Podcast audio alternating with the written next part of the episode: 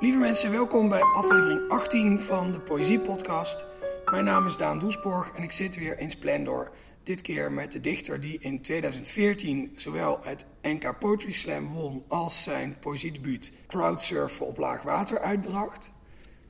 Dit jaar is hij terug met de bundel Insect Redux, die volledig in het Latijn geschreven is. Dames en heren, Daniel Vis.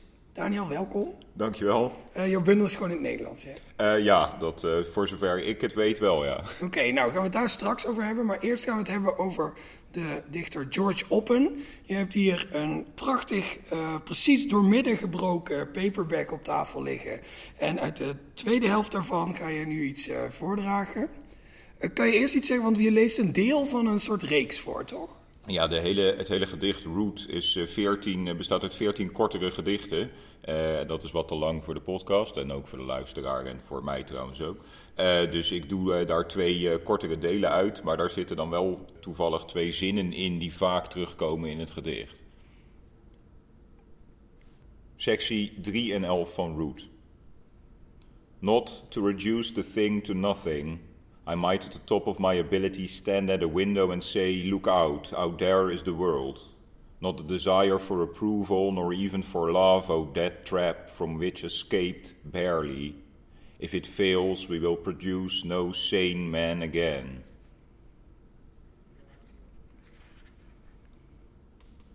Tell the life of the mind.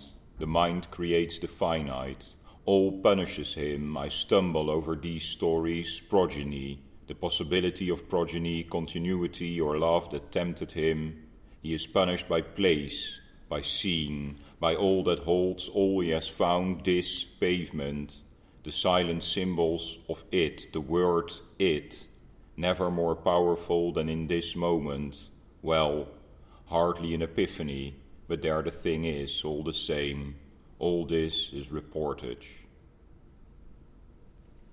Dankjewel.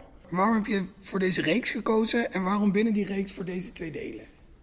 Uh, nou, deze reeks, uh, voornamelijk omdat hij uh, qua vorm heel erg aanspreekt. Dit is, dit is zo'n moment dat je gewoon aan het bladeren bent in een boek en iets tegenkomt waarvan je denkt: deze vorm doet iets zonder te hebben gelezen al. En daarna met het lezen te ontdekken dat die vorm ook niet voor niets is. Deze stukken ten dele om de praktische reden dat het de twee kortere delen van de tekst zijn. Sommige delen zijn tamelijk lang. Uh, maar ook omdat hier die fantastische zin in zit: If it fails, we will produce no sane man again, waar die, waar die vaker op terugkomt. En dat is, denk ik, een van de dragende zinnen van het gedicht, dus een mooi inhaakpunt. en dat tweede ding laat heel mooi een bepaalde omgang met, met het bewustzijn zien, vond ik, die volgens mij ook fundamenteel is voor het gedicht is natuurlijk ook een thema wat heel erg, zonder op de zaken vooruit te lopen, in jouw aankomende bundel terugkomt.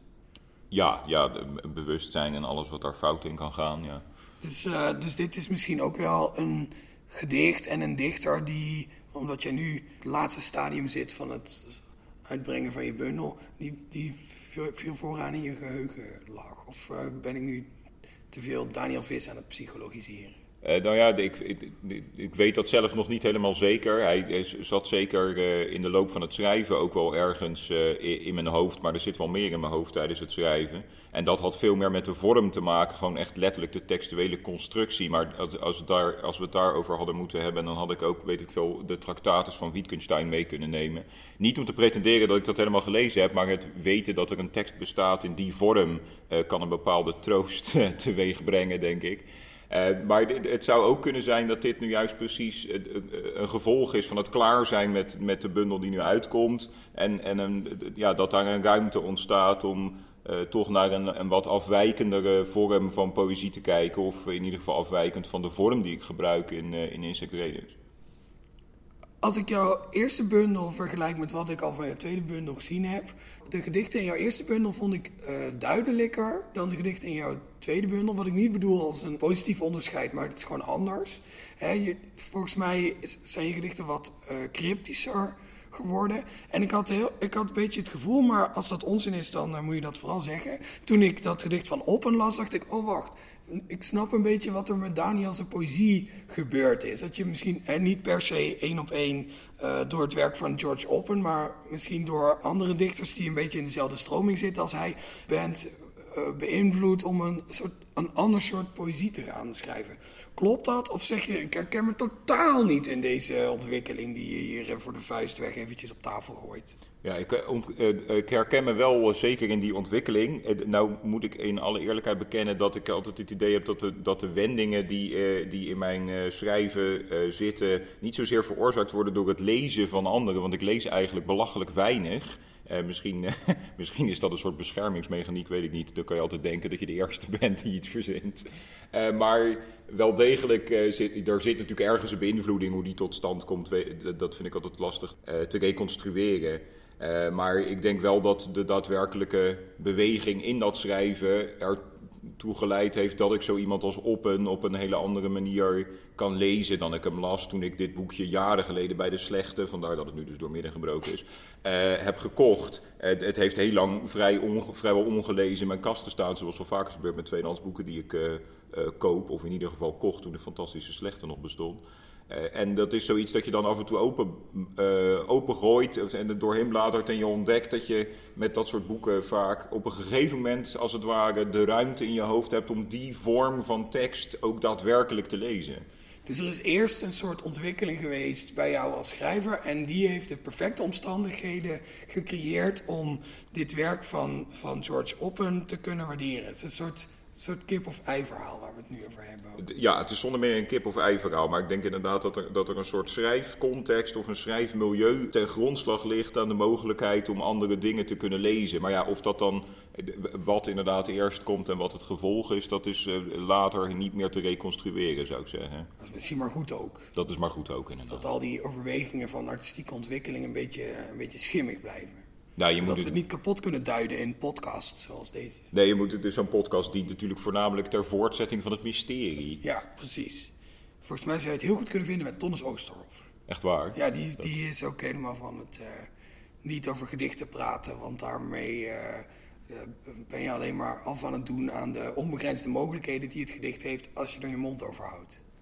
Ja, ja ik, ik, ik, voel daar wel iets voor. Ik, maar aan de andere kant is de beumen over poëzie ook een grote hobby van me. Dus dat, ja...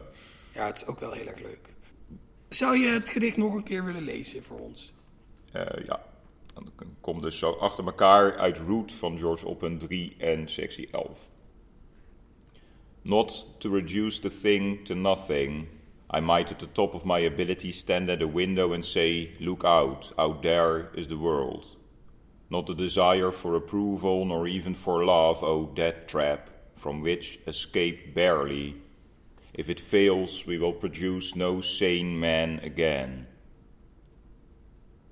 Tell the life of the mind, the mind creates the finite, all punishes him. I stumble over these stories' progeny, the possibility of progeny, continuity, or love that tempted him he is punished by place, by scene, by all that holds, all he has found, this pavement, the silent symbols of it, the word it, never more powerful than in this moment. Well, hardly an epiphany, but there the thing is, all the same. All this is reportage. Dankjewel.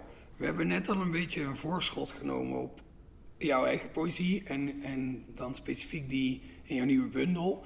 Misschien is het handig om de luisteraars daar vast een beeld uh, bij te geven. Uh, je hebt ook een gedicht meegenomen uit Insect Redux. Zou je dat nu voor willen dragen? Uh, ja, ik denk wel dat het noodzakelijk is om daar heel kort iets vooraf bij te zeggen. er komt een personage in voor dat Jim heet. Dat is een terugkerend personage in de bundel. Dat de luisteraar dat, dat alvast weet.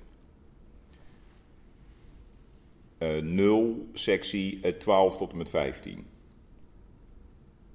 De bril past niet precies, de plastic poten klemmen te strak om mijn hoofd. Als ik hem afzet, blijft er boven mijn oren een zwakke afdruk staan. Twee rode strepen die bijna een half uur nodig hebben om compleet te vervagen. Ik weet niet wie er tegenover me zit. Ik vraag hem me aan te kijken en te vertellen wat het effect van de bril is. Het antwoord is belangrijk. Het is onmogelijk het effect zelf waar te nemen, zeg ik. De donkere glazen verbergen niets. Ik zie een hoofd met een bril op en ken de inhoud van het hoofd. We zitten dicht bij elkaar. Ik wacht, hij knikt, oké, zegt hij. Iemand neuriet een ritme, het ritme krijgt woorden, de woorden vormen een zin. Jim is een levenloos ding, Jim is een levenloos ding. De zin komt diep in mijn hoofd terecht. Het doet pijn. Het soort pijn dat je voelt als je met iets scherps in je huid krast, opnieuw en opnieuw met dezelfde beweging in dezelfde richting, zodat de kras dieper wordt. Jim is een levenloos ding. Jim is fysiek in mij aanwezig. Hij is op de plek waar het pijn doet. Hij houdt oogcontact van binnenin, vanaf de plek waar ik hem zie. Mijn brein corrigeert het beeld omdat het voelt welke positie ik in de ruimte inneem. 15,6 millimeter van het netvlies tot de binnenkant van de lens, 3,7 millimeter door de lens, 2,9 millimeter tussen de voorkant van de lens en het horenvlies, 541 micrometer door het horenvlies. Ik wil weten wat het effect van de bril is. Ik wil de zin die ik hoor niet meer horen. Ik ben bang dat hij waar is. 20 millimeter tussen het horenvlies en de binnenkant van de glazen, 1 millimeter door het polycarbonaat plus een onbekende afstand door de coating, 70 centimeter. Van de buitenkant van de glazen tot de persoon die me aankijkt.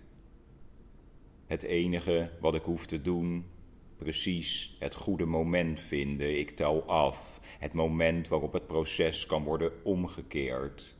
Ik tik met een vinger op het tafelblad. Ik tik met de punt van mijn schoenzool op de vloer. De vinger verandert het tafelblad. De vloer verandert de punt van mijn schoenzool. Als ik stop zeg, komt er niets tot stilstand. Alsof iemand loopt en zich 180 graden omdraait zonder te stoppen, zonder dat de verandering tijd kost. Dankjewel. Ik vind het interessant dat je, dat je het zo belangrijk vindt om de kanttekening te maken dat, dat uh, die Jim een terugkerend personage is in, jouw in jouw bundel. Om twee redenen, namelijk ten eerste zijn we natuurlijk gewend aan poëziebundels die een soort verzameling gedichten bevatten die niet noodzakelijk een onderlinge uh, samenhang hebben. En dat doe je dus duidelijk uh, wel. En ten tweede ook om, omdat ik me afvraag uh, niet omdat ik denk dat het niet zo is, maar gewoon omdat ik echt benieuwd naar ben. Wat het voor jou verandert dat de lezer weet dat dat een terugkerend personage is. Uh, ik denk dat je twee vragen, of tenminste de, de observatie en de vraag zijn, zijn elkaars vraag en antwoord, uh, min of meer. de bundel is, ehm, is een totaal in elkaar grijpend geheel, is heel conceptueel in die zin. en al die gedichten hebben dus communicatie met elkaar. Uh, de, waar, waar, ik nu uit voorgelezen heb, dat gedicht nul is een heel lang gedicht in heel veel secties die uh, opgeknipt zijn tussen de andere teksten door. Dus die loopt als een, als een soort x-as, zeg ik de hele tijd, maar uh, door, door de hele bundel heen. Um, die ten gevolge vind ik het dan van belang om als ik daar een stuk uit doe voor, de, voor, luister, voor luisteraars. Um, even aan te duiden, oké, zo'n personage, dat is niet opeens een uit de lucht vallend personage. Dat is meer dan dat je een naamloze hij of haar een naam gegeven hebt.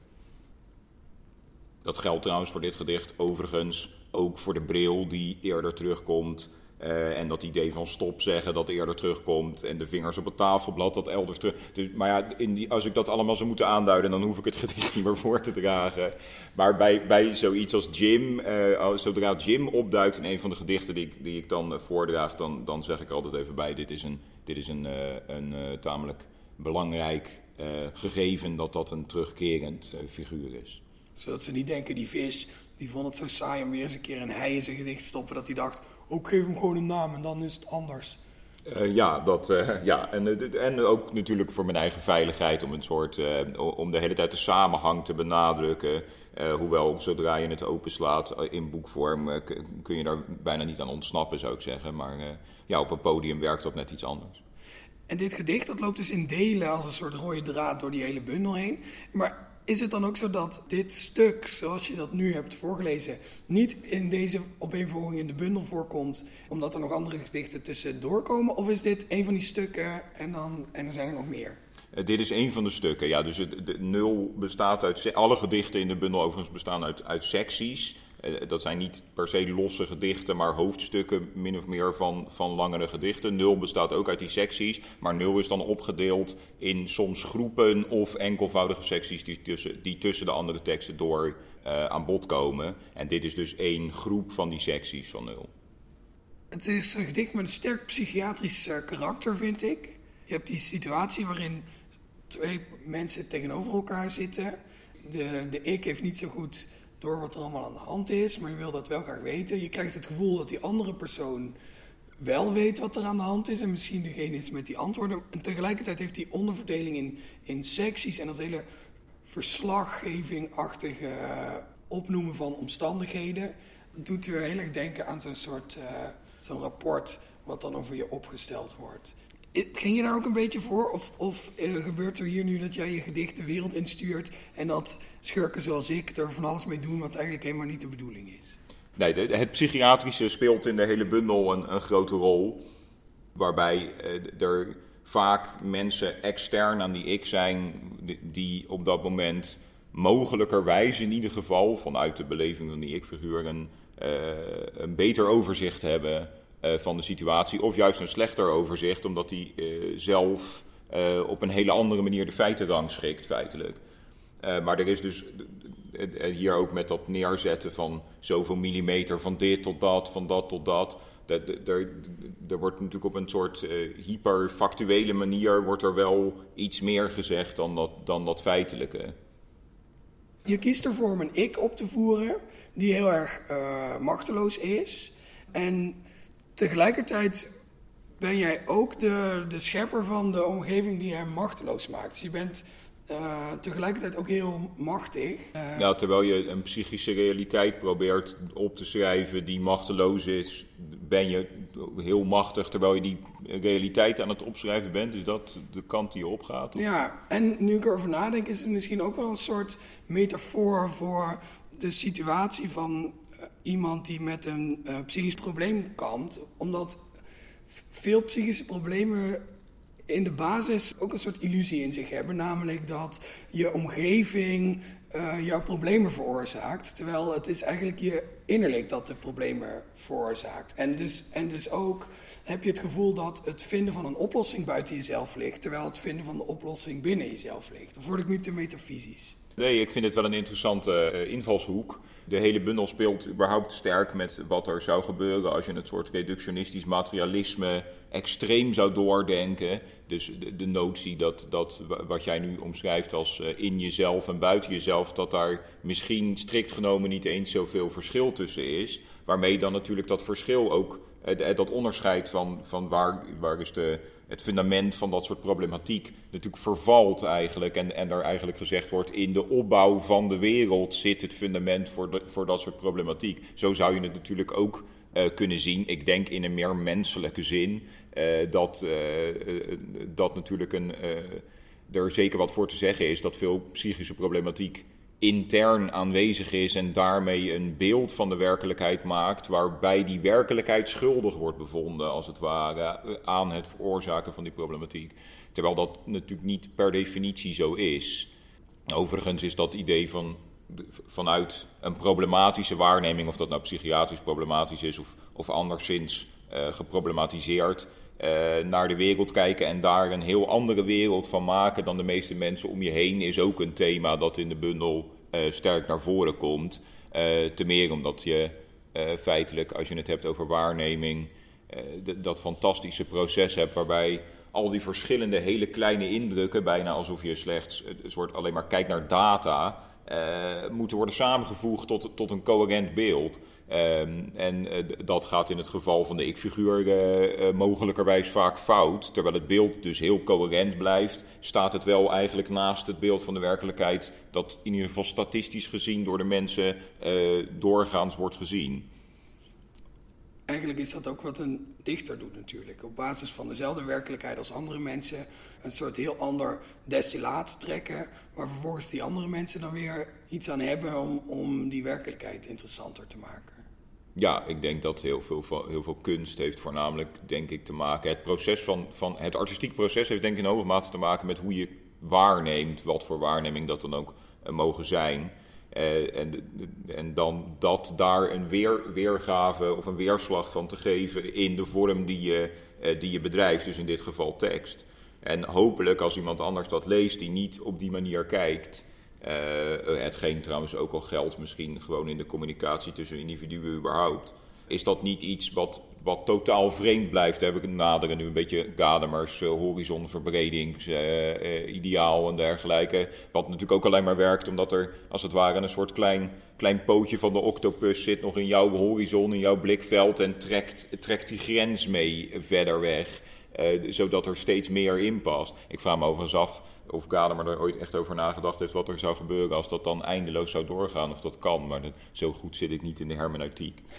Ik ook niet. Maar ik hoop onze luisteraars ook niet. Of ja, ik hoop, dat hoop ik helemaal niet. Dat moeten ze allemaal zelf weten. Ja, reacties, ook als ze boos zijn, zijn natuurlijk welkom. Zou je het gedicht nog een keer voor willen lezen? Uiteraard. Dus uit het gedicht 0, de secties 12 tot en met 15. De bril past niet precies, de plastic poten klemmen te strak om mijn hoofd. Als ik hem afzet, blijft er boven mijn oren een zwakke afdruk staan. Twee rode strepen die bijna een half uur nodig hebben om compleet te vervagen. Ik weet niet wie er tegenover me zit. Ik vraag hem me aan te kijken en te vertellen wat het effect van de bril is. Het antwoord is belangrijk. Het is onmogelijk het effect zelf waar te nemen, zeg ik. De donkere glazen verbergen niets. Ik zie een hoofd met een bril op en ken de inhoud van het hoofd. We zitten dicht bij elkaar. Ik wacht. Hij knikt, oké, zegt hij. Iemand neuriet een ritme. Het ritme krijgt woorden, de woorden vormen een zin. Jim is een levenloos ding, Jim is een levenloos ding.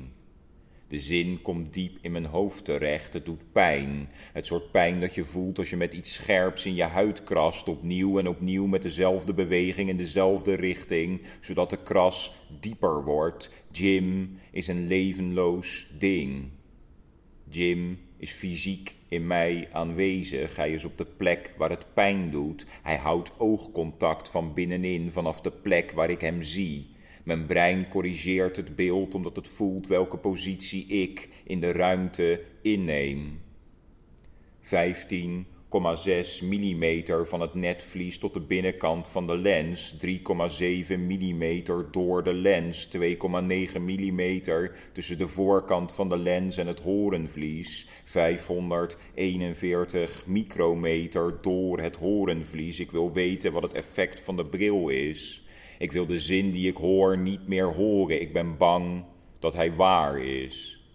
20 mm tussen het horenvlies en de binnenkant van de glazen, 1 mm door het polycarbonaat plus een onbekende afstand door de coating, 70 centimeter van de buitenkant van de glazen tot de persoon die me aankijkt.